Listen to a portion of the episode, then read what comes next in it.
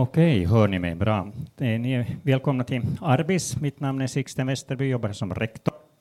Och jag är glad att vi är så här många som vill vara med och delta i vår diskussion, eller först lyssna och sen i mån av möjlighet delta i vår diskussion.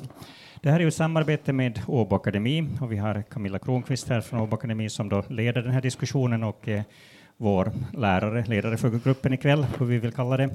Sen har vi Turid Eriksson och Mia Henriksson från Åbo Akademi också. Du kan stiga upp turigt här så de ser dig också. Och sen har vi Maj-Len Saarinen någonstans där från Centret för livslångt lärande som också är delarrangör i det här, så vi är tre olika parter. Och vi har alltså haft en sån här liknande diskussion förut och en del av er var med då och de som inte har varit med då så kommer att få se hur det går till nu. Och det här bandas, det spelas alltså in och det finns också tillgängligt på nätet och det kanske Camilla sen berättar mer om också hur det går till om man så vill. Sen kommer vi att hålla en liten paus. Vi har tänkt oss att en paus ungefär tio före sju och ungefär en halvtimme, om, eller beroende på tills vi då är klara helt enkelt, så fortsätter vi här i den här salen då. Och under pausen så tömmer vi den här salen, så önskemålet eller det, kravet är att vi alla går ut och så låser vi dörren här så att vi kan lämna våra, våra saker om vi vill här och sen dessutom kan vi också, vår tekniska utrustning kan bli här också.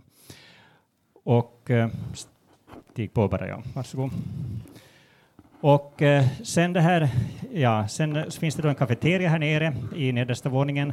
Den heter Café Dominique och den har öppet då, så ni kan köpa den i, det ni råkar ha kvar för kvällen när ni kommer ner dit. Så att om ni vill så kan ni gå ner dit. Toaletterna finns här i korridoren och också sen på varje våning om det skulle bli kö någonstans och det är bråttom. Och sen om ni inte vill dricka kaffe eller te eller någonting annat så kan ni också ta, gå ner till nästa våningen ändå, för där har vi en utställning just nu. Det är Arbis eh, vårutställning för gällande våra konstgrupper, de som har målat i olja, akvarell och mandala. Så de har ställt ut där. Och när ni går hem så kan ni titta på monitorerna utanför dörren till vänster, så ser ni vad vår, foto, vår fotokurs har åstadkommit under våren. De har sin utställning som då snurrar på i monitorerna där. Ja, med de här inledande frasen så vill jag alltså välkommen till Moraliskt självförsvar och också hela panelen välkomna och speciellt då Camilla Kronqvist som då ska leda den här kvällen. Ja, tack så mycket Sixten. Det är roligt att vara här och det är roligt att se er här. Jag har alltså då tre gäster med mig ikväll. Vi har Rut Illman som är religionsvetare. Sen har vi Hugo Strandberg, filosof och Rita Nordström Lytz, pedagog, lärarutbildare. Och temat för dagens diskussion är vems moral gäller. Men innan jag går in på den, eller vi går in på den samtalet, så vill jag stanna upp lite grann med den här rubriken moraliskt självförsvar och tala om den. Förra gången vi hade den, den här träffen, eller det här samtalet, så då, då talade jag om självförsvar och vad det kunde betyda att förknippa självförsvar med frågor om moral. Idag ska jag snarare säga någonting om moral vad kan det be betyda att vi talar om moral här? Nu tappar jag mikrofonerna. Och att tala om moral så det passar väldigt bra idag eftersom tema idag är de moraliska svårigheter som kan uppstå när människor från, med olika religiös och kulturell bakgrund möts. Så hur ska vi då förstå moral? Ett väldigt vanligt sätt är att tänka att moral en slags uppsättning handlingsregler som en människas religion eller kultur förser henne med. Du ska göra så och så. Du ska till exempel vara snäll och hjälpsam, dela rättvist, tacka för maten. Men ännu oftare än att man tänker på sådana här mera positiva påbud så kanske man tänker på de moraliska handlingsreglerna som ett slags förbud. Du får inte göra så här. Och vi kan här tänka på de här kristna tio budorden som ett perfekta exempel. Liksom, du ska inte stjäla och du ska inte bära falskt vittnesbörd och så vidare. Och det finns förstås ingenting som hindrar oss från att tänka på moral på det här sättet. Och det kan också vara hjälpsamt i vissa situationer att se på moralen som en form av förbud eller påbud. Till exempel kan det här vara till hjälp när vi tänker på hur barn lär sig moral. Det, man lär sig på sätt och vis genom att bli tillsagd om vad man får och inte får göra. Så att, att tänka på moralen som en form av handlingsregler kan hjälpa oss att få syn på någonting om vad moralen är. Men samtidigt som de hjälper oss att få syn på någonting så kan det också hända att de gör att vi missar andra saker om hur moralen kommer in. Det här är nästan varje, händer nästan varje gång som vi får syn på någonting specifikt. Till exempel så kan vi missa att barn inte bara lär sig olika moraliska förhållningssätt genom det vi explicit säger åt dem att de ska göra och inte ska göra. De lär sig också moraliska sätt att förhålla sig till sig själv och andra i det sätt vi bemöter dem, i det sätt vi lyssnar eller inte lyssnar på deras tankar och frågor. I det sätt vi liksom till exempel kramar om dem eller ger dem eh, en plats var de kan känna sig trygga. Och likaså är det viktigt att den här idén om moralen som en samling handlingsregler kan skapa oss problem när vi tänker vidare liksom på moral. Problem som vi kunde undvika om vi istället liksom tänkte på moralen på ett annorlunda sätt. För om vi betraktar moralen som en uppsättning handlingsregler som begränsar sig till en specifik kulturell krets, så då är det klart att vi ställs inför frågor om vem som får definiera vilken uppsättning regler som är de riktiga. Och det är också klart att vi nödvändigtvis hamnar i situationer där olika regelsystem kan hamna, hamna i konflikt med varandra. Jag ska också säga att det är oundvikligt att vi råkar på situationer där olika regler inom ett och samma system kommer att stå i konflikt. Får jag till exempel ljuga för att rädda någons liv? För att nämna ett sådant väldigt klassiskt filosofiskt problem. Vi får också problem som har att göra med varför vi ska följa de här tänkta regelsystemen. Vad är det som ger dem auktoritet? Varför ska vi bry oss om de här reglerna? Bara för att vår kultur säger det. Genom att göra moralen till en produkt av en kultur eller en religion blir det också svårt att förklara hur en kultur eller en religion kan utvecklas och förändras genom någonting som vi skulle kunna kalla en moralisk insikt. För att om moralen är sprungen ur religionen och kulturen, hur kan den då förändra vårt sätt att tänka på religion och kultur? Inom olika akademiska områden finns det många försök att lösa de här problemen. Men vad vi vill göra ikväll är snarare att försöka skifta fokus och visa på ett annat sätt att förstå moral än som en uppsättning handlingsregler.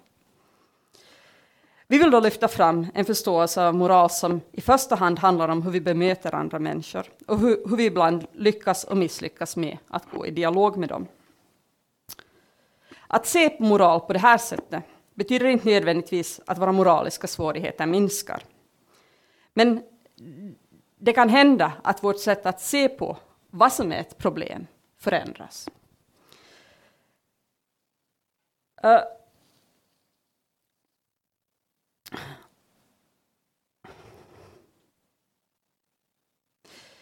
uh, om vi liksom tänker att moralen är det här regelsystemet, så då verkar det som om vårt problem är just hur vi ska sammanfoga olika regelsystem, vad det är som ger dem en grund eller vad det är som berättigar dem.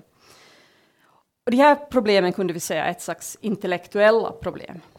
Om vi snarare ställer oss frågan, vad betyder moral i mitt eget liv? Vad betyder min moral i möte med en annan människa? Så verkar de svårigheter jag står inför bli mycket mer personliga än intellektuella. Det blir en fråga om vad just jag gör i möte med just den här andra människan. På vilket vis förmår jag vara närvarande, se henne och lyssna på henne? Det här är de frågor vi ska försöka ta tag i ikväll. Vi ska försöka se vad det betyder att skifta fokus och hur vi kan få syn på frågor om kultur, moral och religion på det sättet. Men först säger jag någonting om kvällens upplägg. Vad vi gör här nu till att börja med är att vi fyra för ett samtal. Kanske blir det en 40 minuter ungefär.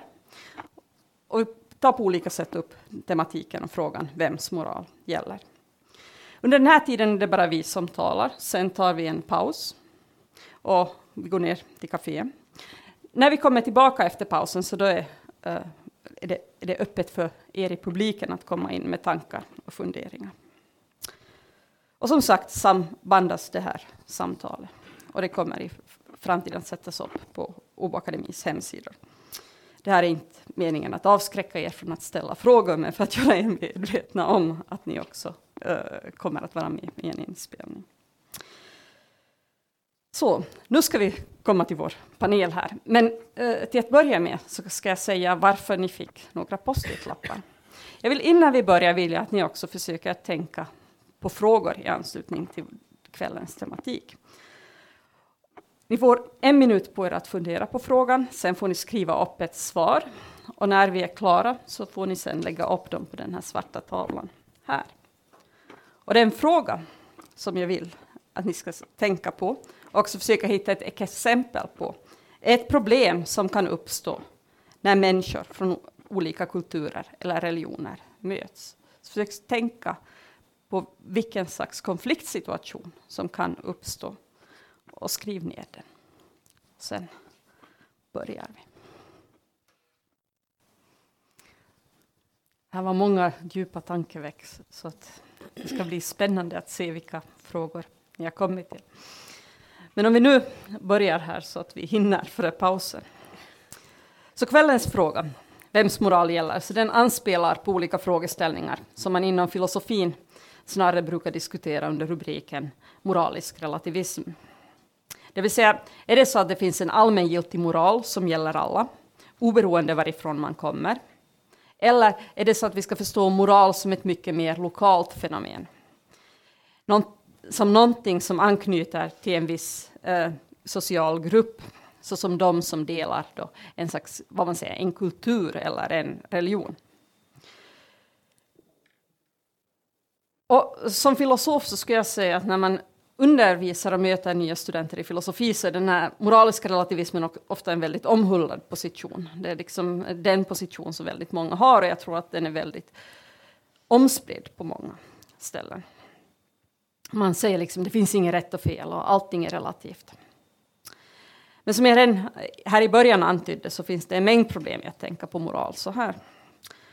På samma sätt som det kan finnas problem i att tänka att kulturer eller religioner är väldigt klara och enkelt avskiljbara liksom helheter.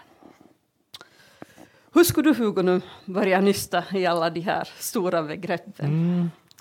Uh, jag tror att ett um, tankesätt som ger upphov till moralisk relativism, det är att man tänker på moral ungefär som det är samma sak som etikett. Så att man lär sig olika eh, regler för hur man ska bete sig på ett sätt som ja, verkar hyfsat i ett visst kulturellt sammanhang. Eh, så att man lär sig att Ja, i en viss sammanhang så lär man sig att för att liksom vara artig när man eh, har bjudit på mat så ska man äta upp den väldigt noggrant. Det visar att man tycker om den här maten. I en annan kultur så ska man inte göra det för det visar att man tycker att den här personen har varit snål och givit den för lite. Och så lär man sig olika sådana regler och sen ska man då följa dem på olika sätt i olika sammanhang. Eh, men, eh, och det där är ju liksom ett slags språk som det är klart att det är inte helt meningslöst. Eh, eh utan våra olika handlingssätt eh, eh, signalerar olika saker. De signalerar olika saker i olika sammanhang. Och det där kan vara bra att känna till. Men om man för mycket kommer att liksom fokusera på det där, då glömmer man ju bort många saker. Dels naturligtvis att eh, de här liksom, allmänna handlingsreglerna eller etiketterna, de kan ju inte tala om för mig vad jag ska göra. Det är liksom som ett språk, det ger mig liksom ett verktyg till att eh, tala om olika saker för olika människor, precis på samma sätt som att ja, ordet tack inte fungerar till människor som inte kan svenska så fungerar vissa handlingssätt inte i vilka sammanhang som helst, om man vill signalera någonting.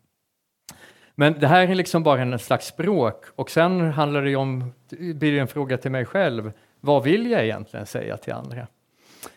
Och det där är ju ingenting som eh, någon annan, någon andra kan ge råd, men i sista hand så blir det fråga om, ja vad vill jag egentligen säga? Eh, för att ta ett lite annat exempel. Eh, så säg att vi på en arbetsplats har en väldigt destruktiv jargong. Eh, människor håller på liksom och liksom säger elaka kommentarer till varandra hela tiden. Och det här är liksom någon slags kultur som gäller på den här arbetsplatsen. Och när man kommer dit första gången så tycker man det är lite underligt, men sen så lär man sig ganska snabbt att smälta in i, i gänget och eh, hålla sig med samma jargong som de andra. Och om moralisk relativism var riktig, då skulle det innebära att i en sån här situation, då skulle moraliska frågor vara så ja, de skulle vara så lång, fjärran som det bara är möjligt. För att här skulle det liksom vara helt klart vad man borde göra. Alla är överens, jag smälter helt in i mönstret, alla gör på samma sätt. Men jag skulle ju säga att det finns ju ingen situation eh, där moraliska frågor blir så viktiga som just där. Eh, nämligen att frågan blir ju till mig, ska jag verkligen fortsätta den här skärgången som alla andra håller sig till och som jag själv tidigare har hållit mig till?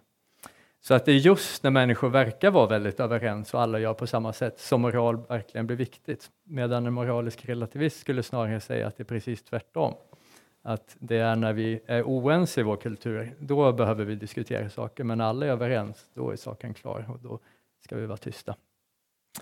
Eh, så ett sätt att förstå vad moralisk relativism är, det är att man på något sätt vill säga, sätta ett, liksom en gräns för när det är meningsfullt att överhuvudtaget prata med varandra. Det finns vissa frågor då som ligger bortom vad det är meningsfullt att diskutera, eller vissa människor som det är meningslöst att diskutera med.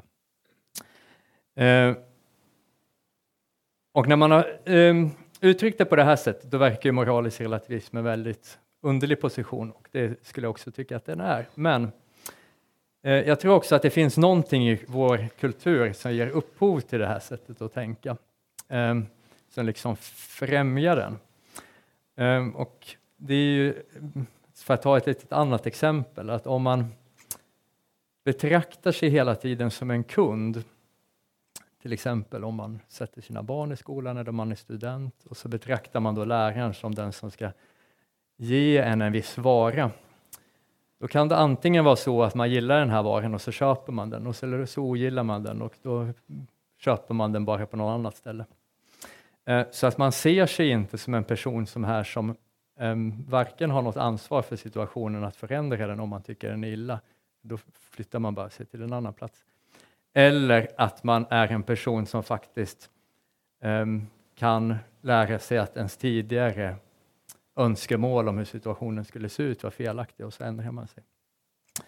Eh, så att i en situation där eh, människor bara hela tiden betraktar sig som kunder, då kommer alla moraliska diskussioner att försvinna eftersom man bara eh, köper en annan vara om man inte gillar den. Medan i en, i en, kultur där man hela tiden känner att man har ett ansvar för hur saker ser ut, då blir man ju tvungen att diskutera det med människor som man är oeniga med och som man vill där man tycker att en situation är väldigt dålig, ja då försöker man ju på något sätt förändra den och kanske också förändra sig själv. Medan i en kultur där ett ekonomiskt tankesätt blir dominerande, då kommer moralisk relativism också att få en viss skjuts, även om det även i ett sådant sammanhang är, en, är dåligt tänkt. Men, eh, jag tror att moralisk relativism på så sätt inte är, det hänger på något sätt ihop med vissa drag i, i vårt sätt att leva.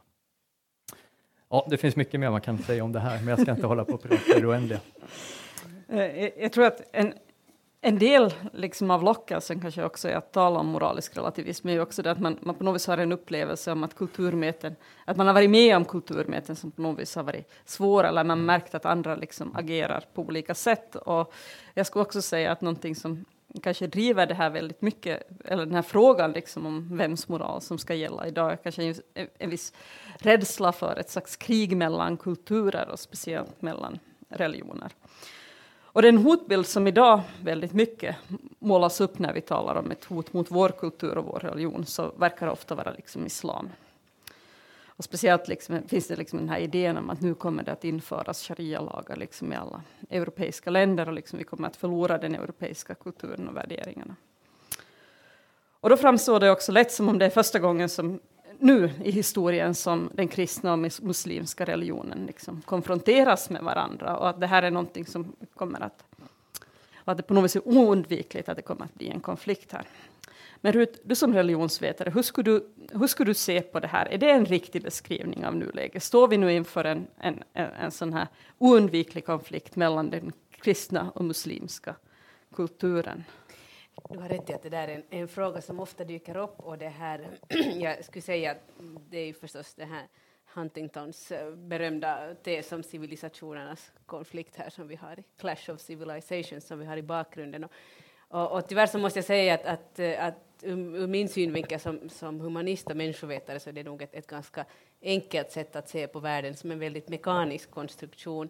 Vi måste komma ihåg att, att det här varken kulturer eller religioner som vi förstår dem är, är, är någonting som har uppstått i vakuum på något sätt åtskilt från varandra utan det handlar ju hela tiden om en, en dynamik här. Och framför allt så måste tror jag komma ihåg att religioner och kulturer i sig inte är agenter som gör det ena eller det andra. Det är människor som är aktörer som gör saker och ting.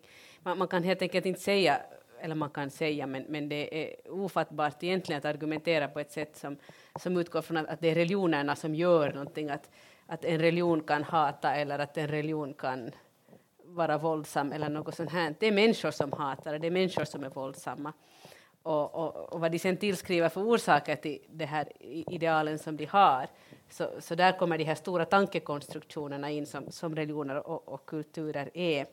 Men jag tror att det är bra att komma ihåg att det är egentligen bara i skolböckerna som, som precis som du sa här i inledningen, som religioner och kulturer på något sätt framstår som sådana mycket klart avgränsade åtskilda helheter som finns så här sida vid sida. Men att det här tankesättet är förstås någonting som vårt sätt att skapa vetenskap egentligen kräver, för att vi måste ju generalisera och på något sätt säga att i islam är det så här och i kristendomen är det så här. Och så tänker vi att den ena har 2,1 miljarder människor, den andra har 1,7 miljarder människor. Och det är naturligtvis som så att det finns liksom bra och dåligt i alla läger här. Och, och det är väldigt svårt att säga. Jag vet inte heller hur många människor som, som, om ni tänker på Finland till exempel, när utgången av 2014 så hörde 72,9 procent av finländarna till lutherska kyrkan. Men jag är helt säker på att 72,9 procent av finska befolkningen inte har en aning om vad det står i lutherska katekes till exempel. Eller om vi ser också i Finland så, så lär 20 procent av befolkningen tro på, på reinkarnation, alltså på återfödelse, vilket betyder, det måste finnas massor av lutheraner som tror på återfödelse, vilket ju Luther aldrig skulle ha, ha skrivit under. Så jag, jag, tror att det här uh, tankesättet, där, där, vi tänker oss så här att det blir en, en konflikt mellan två civilisationer eller två kulturer, så vad vi ser här är, är just den här liksom, vad det gör är ju det att, att det, det, det liksom markerar de här gränserna som går emellan de här tänkta helheterna istället för att visa på hur komplext möten mellan människor egentligen är. Att de här gränserna går ju inte bara mellan sådana här monolitiska block som det är enkelt att sortera människor in i, utan de går också igenom och tvärs igenom alla de här kulturella och, och, och religiösa helheterna. Den, den väv av, av likt och olikt som väver mig samman med andra människor är mycket mer komplex än bara en viss sån här äh, stämpel som, som vi ger. Men, men det som jag tror att, att, att stämmer i det här är det att, att äh, mer och mer så kanske islam har blivit den här liksom, övergripande förklaringen till varför människor är som de är. Och, och, det är det som vi tar till när vi försöker förklara varför människor, är, eh, människor, människor det här i olika sam sammanhang kommer i konflikt med varandra. Det är alldeles rimligt att tala om, om att, att, folk, eh, att, att man är en muslimsk terrorist till exempel, medan man aldrig skulle tala om till exempel de finländska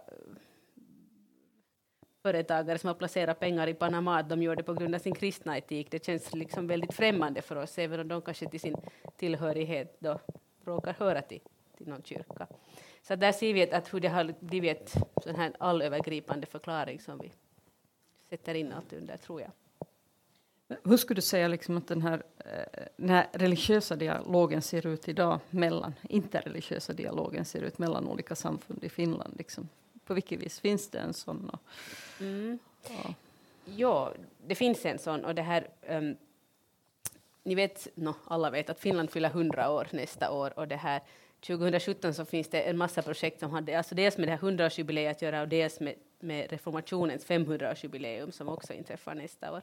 Och ett av de här projekten är en kartläggning av det mångreligiösa Finland som, som jag är med och gör tillsammans med Kyrkans forskningscentral och där har jag då haft ansvar att skriva om religionsdialogens utveckling i Finland och då har jag tillsammans med en kollega Heidi Rautionmaa som är en gräsrotsaktivist som har varit med mycket på fältet så har vi har vi kartlagt och försökt se att, att vad har det hänt i Finland och vad, vad, vad, finns det för organisationer här.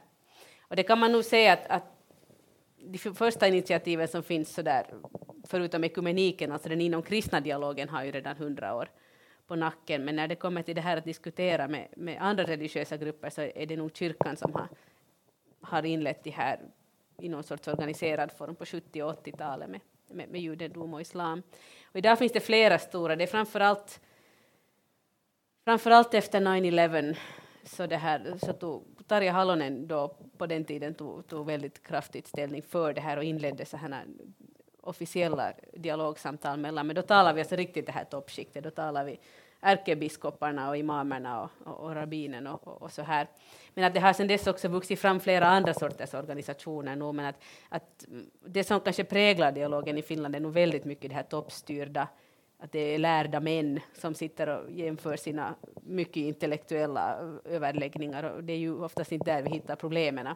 Så det skulle nog finnas utrymme för en hemskt stor vidgning och breddning. Det här just om man tänker att när människor möts så är det ju inte bara den här tankemässiga utmaningen som vi ska ta tag i utan det är ju också som vi talar om idag en moralisk utmaning och en praktisk utmaning. Alltså, ett annat ställe var det finns ganska många praktiska och konkreta utmaningar så det är ju skolan. Och där vänder jag mig nu till Rita och frågar hur ser du liksom, på skolans roll som en plats för att liksom, möta olikhet eller att lära sig att möta olikhet och kanske också mångkultur som man många gånger talar om. Hur kan man liksom förbereda lärarstuderande från ditt perspektiv på en allt mer komplex verklighet? Eller är, är den här verkligheten mycket mer komplex idag än vad mm. den har varit tidigare? Mm. Eh, Eh, om jag börjar med, med, med, skolan så jag har själv jobbat inom grundläggande utbildningen som, som klasslärare under största delen av mitt, mitt yrkesliv. Det är nu först där på äldre dagar som jag har blivit lärarutbildare. Men eh, den grundläggande utbildningen i, i, Finland som bygger ju på att, att man då i princip besöker sin närskola så är ju egentligen eh, skulle jag säga, det, det enda tillfället, de där nio åren i grundskolan, när, när varje barn hamnar så att säga att konfronteras med alla andra som bor ungefär på samma ställe. I övrigt kan vi ju välja våra fritidsintressen och vi kan välja vad, vad vi sysslar med och vad vi utbildar oss till och vilka vänner vi har. Men, men grundskolan är ju i den meningen en, en, en bra arena för olika former av, av möten. Men sen tänker jag när du, du frågar om, om lärarutbildningen och, och det slår mig att att vi, vi har ju än så länge, fram till hösten 2016, har vi en finlandssvensk lärarutbildning som är placerad i Vasa. Och där har vi då studerande från Lovisa i öster till, till Åland i, i väster och Kokkola i norr, eller Uleåborg till och med. Där finns ju också en svenskspråkig. Och, och det är ju, man säger att, att det finlandssvenska är väldigt litet och det är väldigt enhetligt. Men jag tycker när jag möter lärarstuderande att det är nog inte alls så enkelt liksom och enhetligt. Att det, det är också där svårigheter då människor med olika kulturell och religiös bakgrund möts inom lärarutbildningen och det är en utmaning för studerande. Eh, studerande har olika socioekonomisk bakgrund, de har olika kulturell bakgrund, religiös eller areligiös bakgrund, de har olika traditioner. De har olika erfarenheter, eller de saknar erfarenheter väldigt långt. Erfarenheter till exempel av mångfald. Och det gör ju att, att redan att, att då frotteras med andra lärarstuderande kan vara en, en utmaning många gånger. Och sen tänker jag en sak till lite i, i anknytning till det du frågar. Det här om att förstå moral som en, en, en uppsättning handlingsregler som då traditionen eller kulturen eller religionen har försett en med. Där är ju lärarna i en, en special sits. Nu talar jag om lärare inom den grundläggande utbildningen. Genom att läraren är tjänsteman med rätt att bedöma och bestraffa. Och det betyder att läraren behöver vara medveten om, om juridiken och de styrdokument, läroplanen och, och sen skollagstiftning som säger vad, vad som är möjligt för, för läraren att göra. Och, och sen är det ju intressant med, med hur skolsystemet i, i Finland har präglats, så vilken typ av, av regelverk som har präglat det. Det var ju tidigare kyrkan som hade hand om all utbildning i vårt land. Och sen fick vi folkskolförordningen på 1860-talet och där började då staten ta över mer av utbildningen än vad kyrkan hade. Men väldigt länge fanns det i, i, i förordningen och, och de grundläggande eh, dokumenten för, för skolan Eh, Eh, den här kristna värdegrunden, den kristna moralkodex som bas. Men där har ju Finland också moderniserats i det att vi nu har då FNs människorättskonventioner, barnkonventionen, Europakonventionen om mänskliga rättigheter så, som bas. Och då kan man ju, kan man ju liksom fråga sig att, att läraren då, som människa och jag har nu försökt lite antyda att också det finlandssvenska lilla ankdammens lärarskap är också väldigt komplext och mångfaldigt. Att läraren har sin egen bakgrund och sina egna erfarenheter, sin egen syn på tillvaron. Men som lärare är ju läraren tvungen att, att liksom gå in i, i, i det mm, moraliska eller juridiska regelverk som skolan utgör. Och vi brukar ha spännande diskussioner med lärarstuderande. Att kan man då fungera som lärare om man har rasistiska uppfattningar? Eftersom skolans styrdokument inte tillåter det. Och kan man vara eh, extremt religiös i någon viss riktning? Och hur kan man då liksom hantera det här att vara som människa det ena, men sen som lärare och tjänsteman det andra? Och det här är dilemman som, som de lärarstuderande får, får samtala kring och diskutera kring. Och det finns ju inga givna svar på de här frågorna utan det är sånt som var och en själv måste på något vis ta ställning till. Jag tänkte lite spinna vidare på den här frågan om religionens roll i kulturmöten. För att det många gånger liksom, så verkar det just vara religionen som ställer till problem när vi talar om hur kulturer ska mötas. Och I de här diskussionerna så tycker jag ofta att man tar liksom religionen som en slags intäkt på att olika människor eh, eller olika människogrupper ligger väldigt långt ifrån varandra. Liksom. För att de har olika religioner så har de också väldigt olika moral. Men när man faktiskt går in och tittar på olika religioner så verkar, och, och, och går bort från deras, ska vi säga, deras trossatser, till exempel eller hur de säger att så här skapades världen, eller så här och så här många gudar finns, eller någonting sånt här. Så verkar det ofta som man snarare hittar en ganska gemensam moral när man börjar just se på vad är deras moraluppfattningar. Det, man redan tidigt påpekar hur alla liksom verkar ha dela den här idén om en slags gyllene regel, att göra åt andra så som du vill att man ska göra mot dig, eller att det finns en, en betoning på till exempel medkänsla eller omtänksamhet i nästan alla religioner. Så vad väcker det här för tankar hos dig, Hugo? Finns det någon chans liksom till att religioner skulle kunna enas kring sådana gemensamma eh, förståelse av ja, moral? Jag skulle nog vilja undvika att svara på den frågan därför att jag tror att det viktiga här är att inte gå in i en, liksom, en möte med någon annan med inställningen att vi vet redan vad som kommer att hända när vi börjar diskutera saker. Utan alla problem, de får vi liksom eh, hantera tillsammans. Eh, så att istället för att redan på förhand ha sagt att nej, men religioner, de kommer alltid att stå i någon konflikt med varandra. Eller tvärtom att säga att nej, men det finns inga problem här alls. Eh, det är att helt enkelt säga okej, okay, vi vet inte vad som kommer att hända här och det får vi se när vi börjar diskutera saken med varandra. Eller, och inte bara diskutera utan överhuvudtaget leva tillsammans med varandra. Um, och det där kan man ju liksom motivera liksom dels utifrån någon slags historisk förståelse för religionerna själva, att ja, som redan har varit uppe i diskussionen, att de är inte enhetliga. De har utvecklats historiskt att, och det finns inget liksom, skäl att tro att eh, den utvecklingen skulle stanna av, utan det som eh, ja, ett visst trosystem eller en viss tradition fortsätter att eh, förändras. Eh, och, så det är den ena sidan av saken. Den andra är ju att eh, när man möter en enskild person så finns så alltid frågan, alltså på vilket sätt syns den här tron i den personens liv? Så istället för att liksom redan på förhand vi, liksom tro sig veta vad den här som kallar sig för ja, till exempel muslim tror på, eh, så är det bättre att försöka fråga den personen vad den egentligen tänker om saker. Och så får man se vad den kommer att säga. Eh, svårigheten naturligtvis där är att för att man ska kunna svara på den frågan på något vettigt sätt så måste man ju redan känna sig på något sätt trygg i ett visst sammanhang. Så att eh, jag tror att det är allt för vanligt att det är just därför att vi redan känner liksom att vi skaver mot varandra så döljer man sig bakom ja, olika eh, rubriker som vi har satt på varandra på förhand istället för att liksom våga faktiskt eh, ja, både visa upp vad man verkligen tänker om en viss sak som kan eh, avvika från vad någon etablerad eh, figur i den här religiösa traditionen tänker. Eller också att bara visa upp sin egen osäkerhet. Eh, det kräver ju också någon slags trygghet för att våga göra det.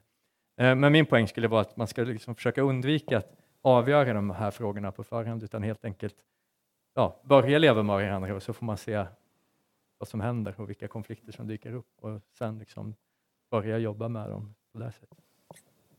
Men om vi fortsätter liksom på den här tanken, liksom, och Rut talade tidigare om de här, uh, de här olika samtalen som finns på, något, på det här, mellan de här religiösa samfunden, de här lärda männens samtal och vad som skulle finnas någonstans. Va, vad ser du för utmaningar där? Liksom, att va, vilka slags frågor är det som verkar uppstå mm. på det fältet? Jag, jag, tycker det var bra som du sa, Hugo, just det här med att, att, eh, att kanske eh, först och främst den här frågan om att, att vi utgår från att olikheterna finns där just på gränsen mellan historiska samfund och vi a priori utgår från att olikhet är ett problem som på något sätt måste liksom oskadliggöras. Jag tror att där redan går det snett för att det, det kan ju eller jag tror inte att det behöver vara så att, att likhet på något sätt är en garant för att, att någonting blir bättre på något sätt.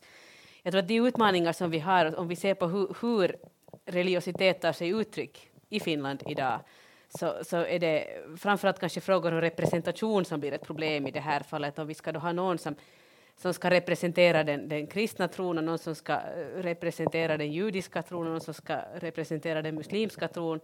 Och, och, och, det här, mer och mer så, så vill ju människor formulera sin egen tro idag, sitt eget sätt att vara religiös. Ni har säkert massor av bekanta som säger till att jag tror nog, men inte så som kyrkan lär, utan vi har lite vår egen, eget sätt att, att, att vara vår egen liksom, högsta auktoritet i de här frågorna. Och då blir det ju också väldigt svårt för mig att nu ska det nu vara den där ärkebiskopen då som representerar mig. Och vem har den där legitimiteten? Det kanske inte alls han, det kanske är en författare eller en låtskrivare eller en lärare eller någonting annat. Så jag tror att de där frågorna om representation blir, blir liksom viktigare och viktigare. Vem får föra vems talan och varför? Och sen är det nog jättemycket frågor om makt också. Vem, vem är det som bjuder in till samtalen? Vem är det som bestämmer vem som får vara med? I Finland till exempel så är det ju naturligtvis som så att vi har den här ena kyrkan som är den enda organisationen som har möjlighet att ha människor på betald lönetid, liksom anställda som får, får lön för att göra de här sakerna, medan den där imamen måste köra taxi hela dagen för att kunna sen göra sånt här på kvällen. Och det ställer dem genast från början i en väldigt olik position. Den ena ingår som, så att säga som avlönad tjänsteman och den andra ska komma dit som någon sorts troende subjekt. De frågorna kommer in.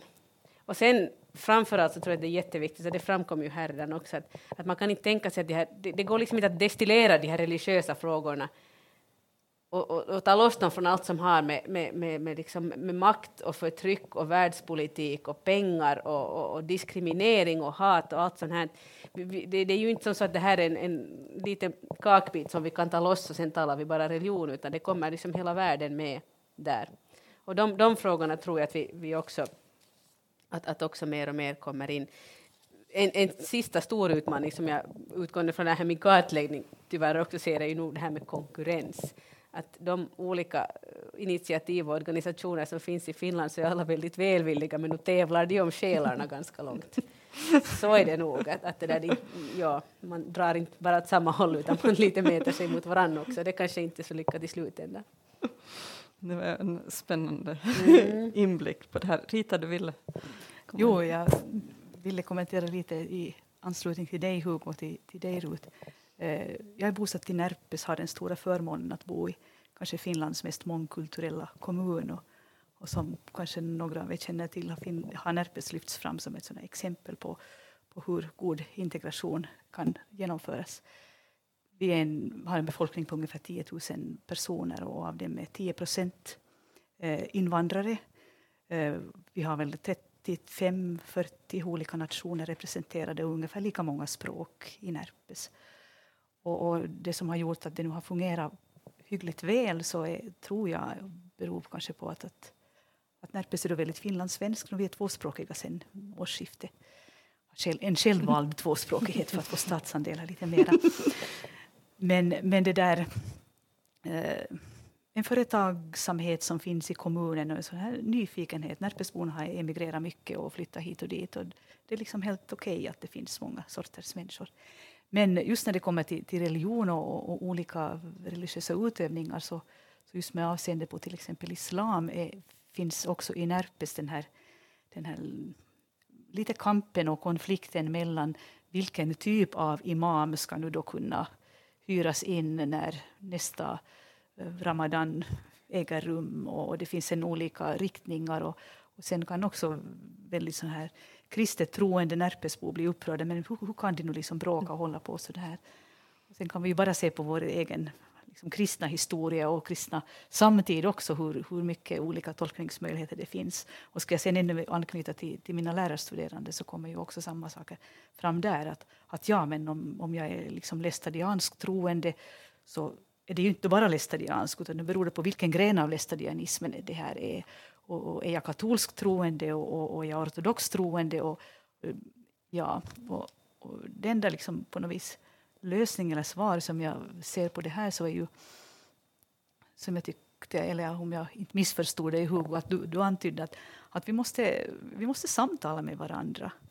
Och, och, och det där, lyssna till varandra och, och inte liksom för att sen kunna sätta dit varandra. Jag tycker inte om debatter, varken i religiösa eller andra sammanhang, egentligen, men samtal där vi, vi, vi lyssnar och är genuint nyfikna på hur den andra tänker. Jag tror att det är enda vägen till en, en, någon slags liksom gemensam plattform att stå på.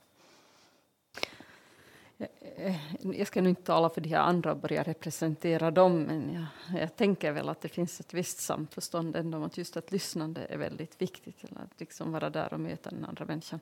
Och det här låter ju väldigt lätt i teorin, men om vi avslutar med en sån här fråga som ni nu alla får inbjuds att svara på. Varför är det så svårt att möta en annan människa?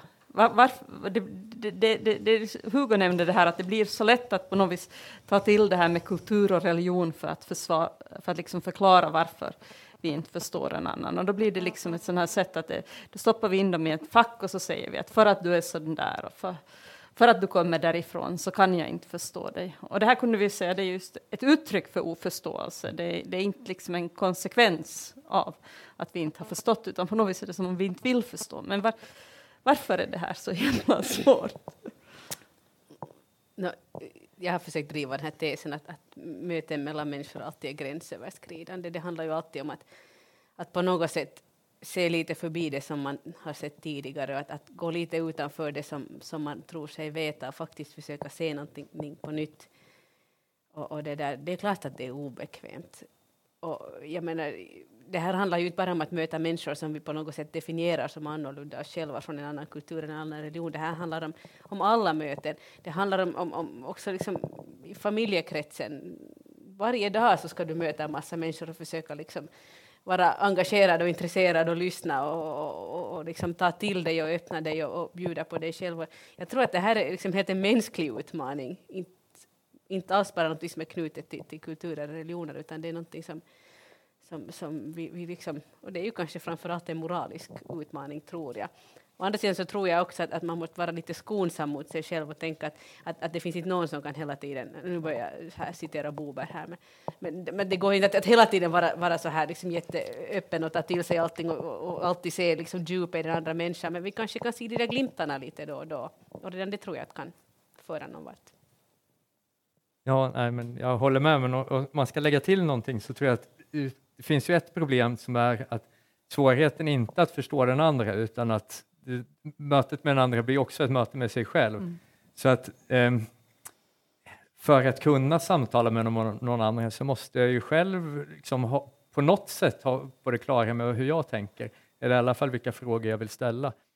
Eh, och eh, också naturligtvis att jag blir utmanad när jag märker att människor tänker på ett annat sätt än vad jag är van vid och då måste jag på något sätt förhålla mig till det där. Och det är ju ett ja, problem, eller så kallat problem, som man ju undviker om så länge man eh, ja, sitter hemma på sin egen kammare eller bara pratar med människor som tänker som man själv. Då behöver man överhuvudtaget inte fundera på vem man egentligen är. Så det är en ytterligare mm. sida på samma samma sak.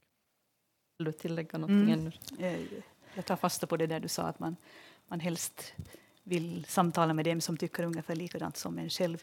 Vi brukar göra sådana här etiska övningar med lärarstuderande som är väldigt plågsamma för dem.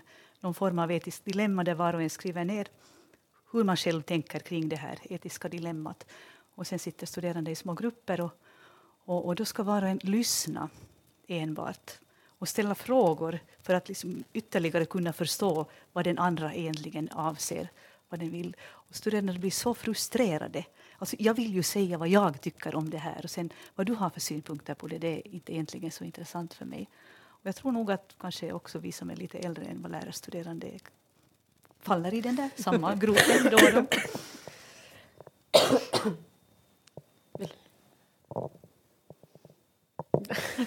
Jag lyssnar. Jag tror, du lyssnar, det är, det är bra. Jag tror, jag tror att det, det, här, det här är ett, ett, ett, ett bra ställe att sätta punkt och, och så ska jag börja med att uppmuntra er att då, lyssna också på varandra här under pausen och ta också den här pausen som ett tillfälle att liksom fortsätta de här samtalen.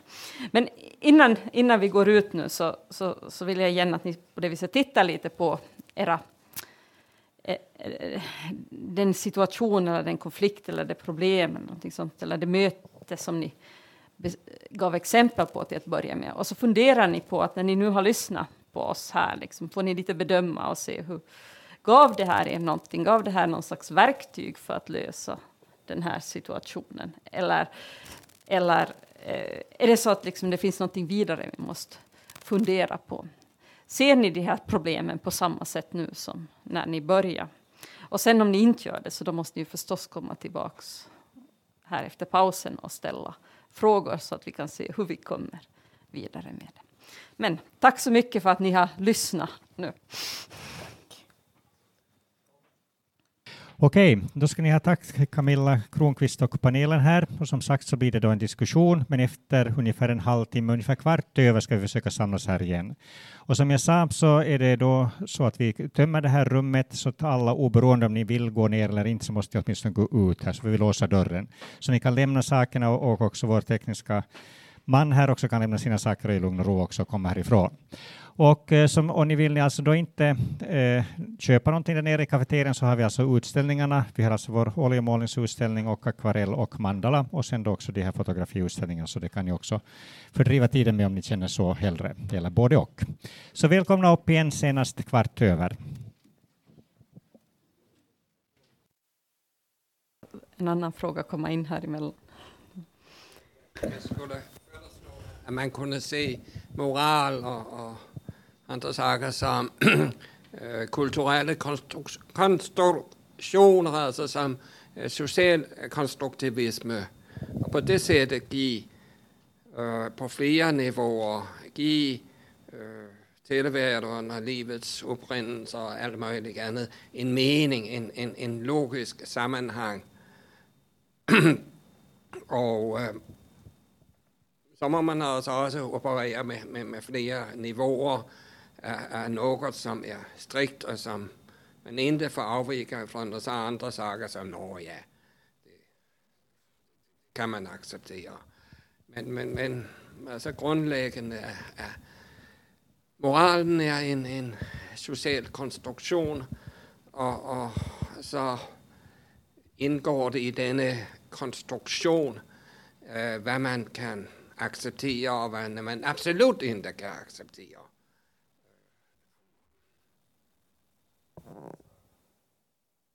Ja. Ja, äh, det där tycker jag ligger väldigt nära den här liksom eti- e-, etikettsförståelsen eh, av moral. Att, ja, det är klart att det finns vissa typer av beteende som att ni skulle tycka att jag var extremt um, oförskämd om jag betedde mig på ett visst sätt här. Och i ett annat typ av kulturellt sammanhang skulle samma typ av beteende inte framstå som lika märkligt. Så i den meningen är det liksom en slags kon- social konstruktion, vilka typer av beteende som kommer att betraktas på de här olika sätten. Eh, Men om man betraktar moral generellt som en social konstruktion, då får man just det här problemet att eh, moraliska frågor blir då bara egentligen aktuella när människor tänker olika och inte just när man när alla följer en viss, det liksom finns en väldigt strikt kod eh, på hur man ska bete sig i ett visst sammanhang och jag plötsligt en dag tänker på mig, säger till mig själv att ja, men, är det inte liksom extremt destruktivt det här sättet vi lever tillsammans? Um, att jag slänger mig med liksom en, en, eh, en, en, ja, som en hård jargong bara för att alla andra gör det. Ehm, Eh, det är ju, då har jag fallit, fallit in i en social konstruktion kan man säga. Eh, men är inte poängen att just i den situationen försöka bryta med den? Eh, så att, som jag tänker så dyker moraliska frågor i sin allra, allra mest tydliga form upp just i de situationerna där ja, där de, de, sociala konstruktionerna sätts i fråga. Och där, därmed kan inte moralen själv vara en social konstruktion. Ehm, det skulle vara mitt svar. Ehm. Jag, jag, tror att, eh, alltså, alltså jag också, alltså, jag skulle hålla med Hugo med att säga att liksom, eh, eftersom eh, moralen kan på något vis användas till att ifrågasätta andra sociala konstruktioner, så det är en konstig slags konstruktion. Och vi får vi får liksom den här frågan, hur kan en social konstruktion ifrågasätta en annan social konstruktion? Och, och vad är det som händer? Liksom? Så att vi, vi kanske inte har förklarat så mycket. Samtidigt är det väl helt klart att det finns liksom element i moralen som på sätt och vis inte är förståeliga om vi inte liksom tänker på en social gemenskap. Eller vi tänker på att det finns människor som möter någon annan. Jag vet inte på vilket vis liksom, egentligen den sociala gemenskapen, men det finns ett möte med en annan människa. Och, så och, det, och det formuleras i ett språk. Så att, men, men, men sen så finns det ju också på sätt och vis uh, känslor och reaktioner som, som också är en slags grund för att det moraliska språket ska fästa i vårt liv.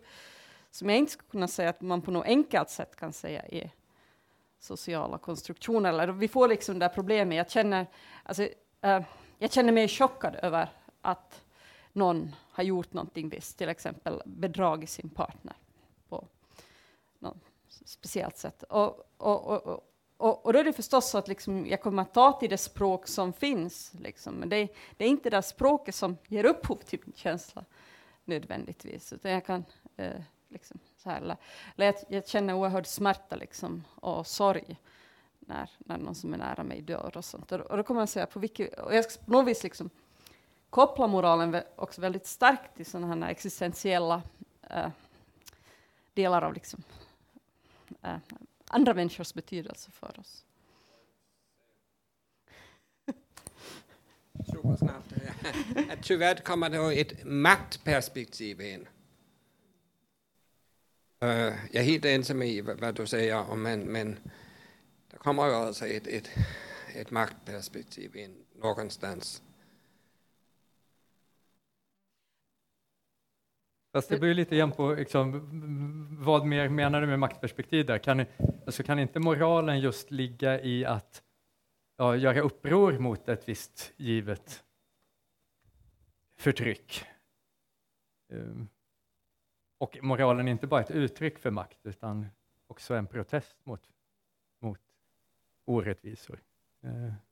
Och på samma gång så ligger ju den moraliska dilemma så som du sa här också tidigare, så är ju problemet kanske för det mesta inte det att vi inte vet vad som, vilken sorts ideal vi vill leva upp till, utan problemet är snarare det att, att vi inte förmår att leva upp till de moraliska föresatser som vi har. Att det är kanske mera på det planet som, som man... Som, där kan det ju vara ganska bekvämt att försöka för sig själv på något sätt rättfärdiga det man gör och tolka in olika aspekter av det hela för att få det att framstå, i alla fall för en själv, som, som ett korrekt handlande fast det inte då motsvarar det ideal som, som man egentligen har. Vet jo, ja, men, ja, nu kommer jag kanske in på ett lite annat spår, men jag bara slår mig att um, så sociala konstruktioner de blir väldigt tydliga i sådana situationer när man inte känner folk särskilt väl. Då är det ofta liksom, de typerna av liksom, uttryckssätt och beteenden som vi tar till Därför att um, Ja, tänk er själva liksom man är på en, en middag med människor man inte känner så väl och då kommer man att tänka på de här etikettsfrågorna och bete sig liksom hövligt till varandra. Men när man sitter med sina vänner, då kan man säga lite vad som helst och om de tycker då att man beter sig eh, ohövligt, ja då så säger de det till en och då får man chansen att förklara sig och så vidare. Så att liksom Eh, när vi när, när jag kommer in på den nivån, eh, då så kommer de här liksom koderna inte alls att vara lika dominerande i vårt sätt att bete oss eh, mot varandra. Säg inte att de har försvunnit, men eh, de kommer inte alls att liksom, ha samma eh, dignitet och liksom att, att, att avvika från dem kommer att betyda någonting helt annat än ehm, när det är någon person som man eh, känner väldigt flyktigt. Det där tror jag, för att återvända till den här frågan om kulturmöten, är ofta ett, väl, eh, någonting som ger upphov till problem. Eh, därför att så länge vi inte, så länge det bara är liksom ytliga möten med folk, då kommer de här olika kulturella koderna att vara väldigt betydelsefulla och då blir det fullt av missförstånd hela tiden för att man förstår inte vad folk säger och varför de beter sig som de gör. Men när man väl börjar prata med någon ordentligt, ja, då kan man börja liksom mm. gräva i det här och så märker man att ja, det går att förstå varandra trots att vi beter oss på ett väldigt olika artade sätt. Och på samma sätt så hjälper det mig inte så mycket om jag är akademisk specialist på vilken religion som helst i, i, i, möte med de här människorna som då faktiskt tillhör den religionen, om jag ändå då på något sätt är, är, det här föraktfull och, och, och, och det här distanserad och, och arrogant gentemot dem, så då, då är inte heller den liksom, kunskapen till någon nytta. Jag tror att en sak så att det, det kommer till makt sist och slutligen. Jag skulle säga att äh, till att börja med sa jag att vi kan förstå moralen som ett regelverk som är på något vis kulturellt bundet. Vi kan också förstå moral som uh, en fråga om makt, eller till exempel att den som är mest maktfull är den som får definiera vad god moral är, eller någonting sånt här. Men, uh, men, men om vi beskriver moral på de här sätten, så det hjälper oss att få syn på vissa saker, och så här. Och det, men kanske också gör att vi blir blind för andra saker. Och det finns saker som, det här, alltså en sån här maktmoral, skulle jag säga, på sätt och vis missar uh, vissa aspekter ska vi säga, av en dialogmoral som inte handlar om liksom att jag ska sätta mig över den andra, utan jag ska lyssna på den andra. Det, det missar vissa saker i en slags kärleksmoral som handlar om att jag ska älska den nästa, och på vilket vis det, just den här att älska den nästa, eller att liksom på det viset se den andra, uh, på sätt och vis just handlar om att jag inte ska ta mig makten till någon annan. Så att, och då blir makten inte någonting som på ett sätt och vis konstituerar moralen, utan någonting som kommer att hota liksom vår idé om vad moralen är. Men, men, men, men vårt problem, ska jag säga från början, är det att det är inte klart hur vi ska förstå vad moral är. Och vi kan liksom förstå det på en mängd olika sätt. Och jag, jag, jag tror för egen del ska jag säga att det, det är liksom mer från ett filosofiskt håll. Vi måste hela tiden utmana våra förståelser och säga okej, okay, vad, vad, lyckas vi se om vi tar in det här begreppet? Vad, vad är det det lyfter fram och vad är det det döljer? Och så. Men nu börjar vi också närma oss slutet här. Nu måste jag, jag, jag, måste, jag, jag, jag frågar, fanns det någon annan fråga här ännu som någon vill ställa? Eller ska vi ta ett, du får ett sista ord då? Der kommer jo en super kompleks øh, eh, diskurs om, om disse frågor her. Den er super kompleks, og, og nogen forstår sig på denne diskurs, andre forstår sig ikke på den, og, og så der kan det være, at de, som så forstår sig på denne kurs, øh, og, og øh, prater fåglernes språk, eller hur man nu skal säga det, de så vinder och de andra äh, tyvärr inte. Ja, alltså det är en, en superkomplex diskurs. Ja. Mm. Det, det, det, det, är väldigt svåra frågor. Liksom, ju mer de lyfter, så ska jag säga att, eller, ju mer de lyfter eller går, går på djupet, liksom, desto större frågor får vi bara. Och det blir frågor som handlar på sätt och vis om hur vi ska förstå relationen mellan sig, natur och kultur, eller hur vi ska förstå idén om att vi är språkliga varelser, eller hur vi ska förstå det att vi lever i en gemenskap överhuvudtaget, hur ska vi ska förstå relationen mellan individer. Men eftersom nu vi redan har gått över tid här så, så, så vill jag fråga min panel här om någon av er vill komma med sista ordet som ni kan säga. Sa du, inte just att samtal inte tar slut? samtal tar inte slut, men vi måste tyvärr liksom ja. sätta ett stopp här. Så inte sista ordet då, men, men en öppning för ett vidare samtal, ska vi säga då. Är det någon som ännu tycker att ni, ni vill tillägga någonting här? Det känns så ödesmättat, jag tror. Nej, men är inte det att samtalet inte tar slut ett väldigt bra sista ord? Ja. Så, och det gäller ju också i, i moraliska frågor, att, Eh, för att återvända till den här liksom etikettsmoral gentemot någon slags dialogmoral, att i ett etikett, ja då kan det verka som att det här etikettsbrottet är liksom för evigt, men när vi behandlar varandra illa så är inte det slutet, utan då blir det liksom en ytterligare problem som vi måste ta tag i i relationen till varandra. Och, um, det tror jag är ett mer fruktbart sätt att närma sig frågan på det sättet, frågor aldrig tar slut. Rita? Och jag tänker förstås ur ett pedagogiskt perspektiv att någonting har vi förhoppningsvis lärt oss av att sitta tillsammans här i, ikväll. Och jag lånar också ett Bober-citat. Den som går ut ur en dialog likadan som han eller hon gick in i den var egentligen aldrig där. Jag tror att det här var ett väldigt bra sätt att avsluta just nu. Ni får gärna, de som hade frågor kvar här, ni får gärna komma och fråga oss här efteråt om det fanns någonting som blev osagt som ni gärna vill få sagt ikväll, så lovar jag att vi stannar och lyssnar och samtalar lite mer. Men tack så mycket för många fina frågor och tack så mycket till panelen.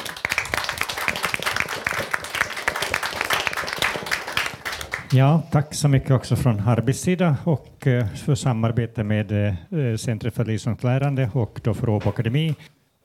Med, framförallt med eh, Camilla Kronqvist som har då varit motorn för det här projektet som vi har. Vi har haft två diskussioner nu under våren och samtal fortsätter kanske och jag hoppas att ni här eller där eller hur det nu sen blev.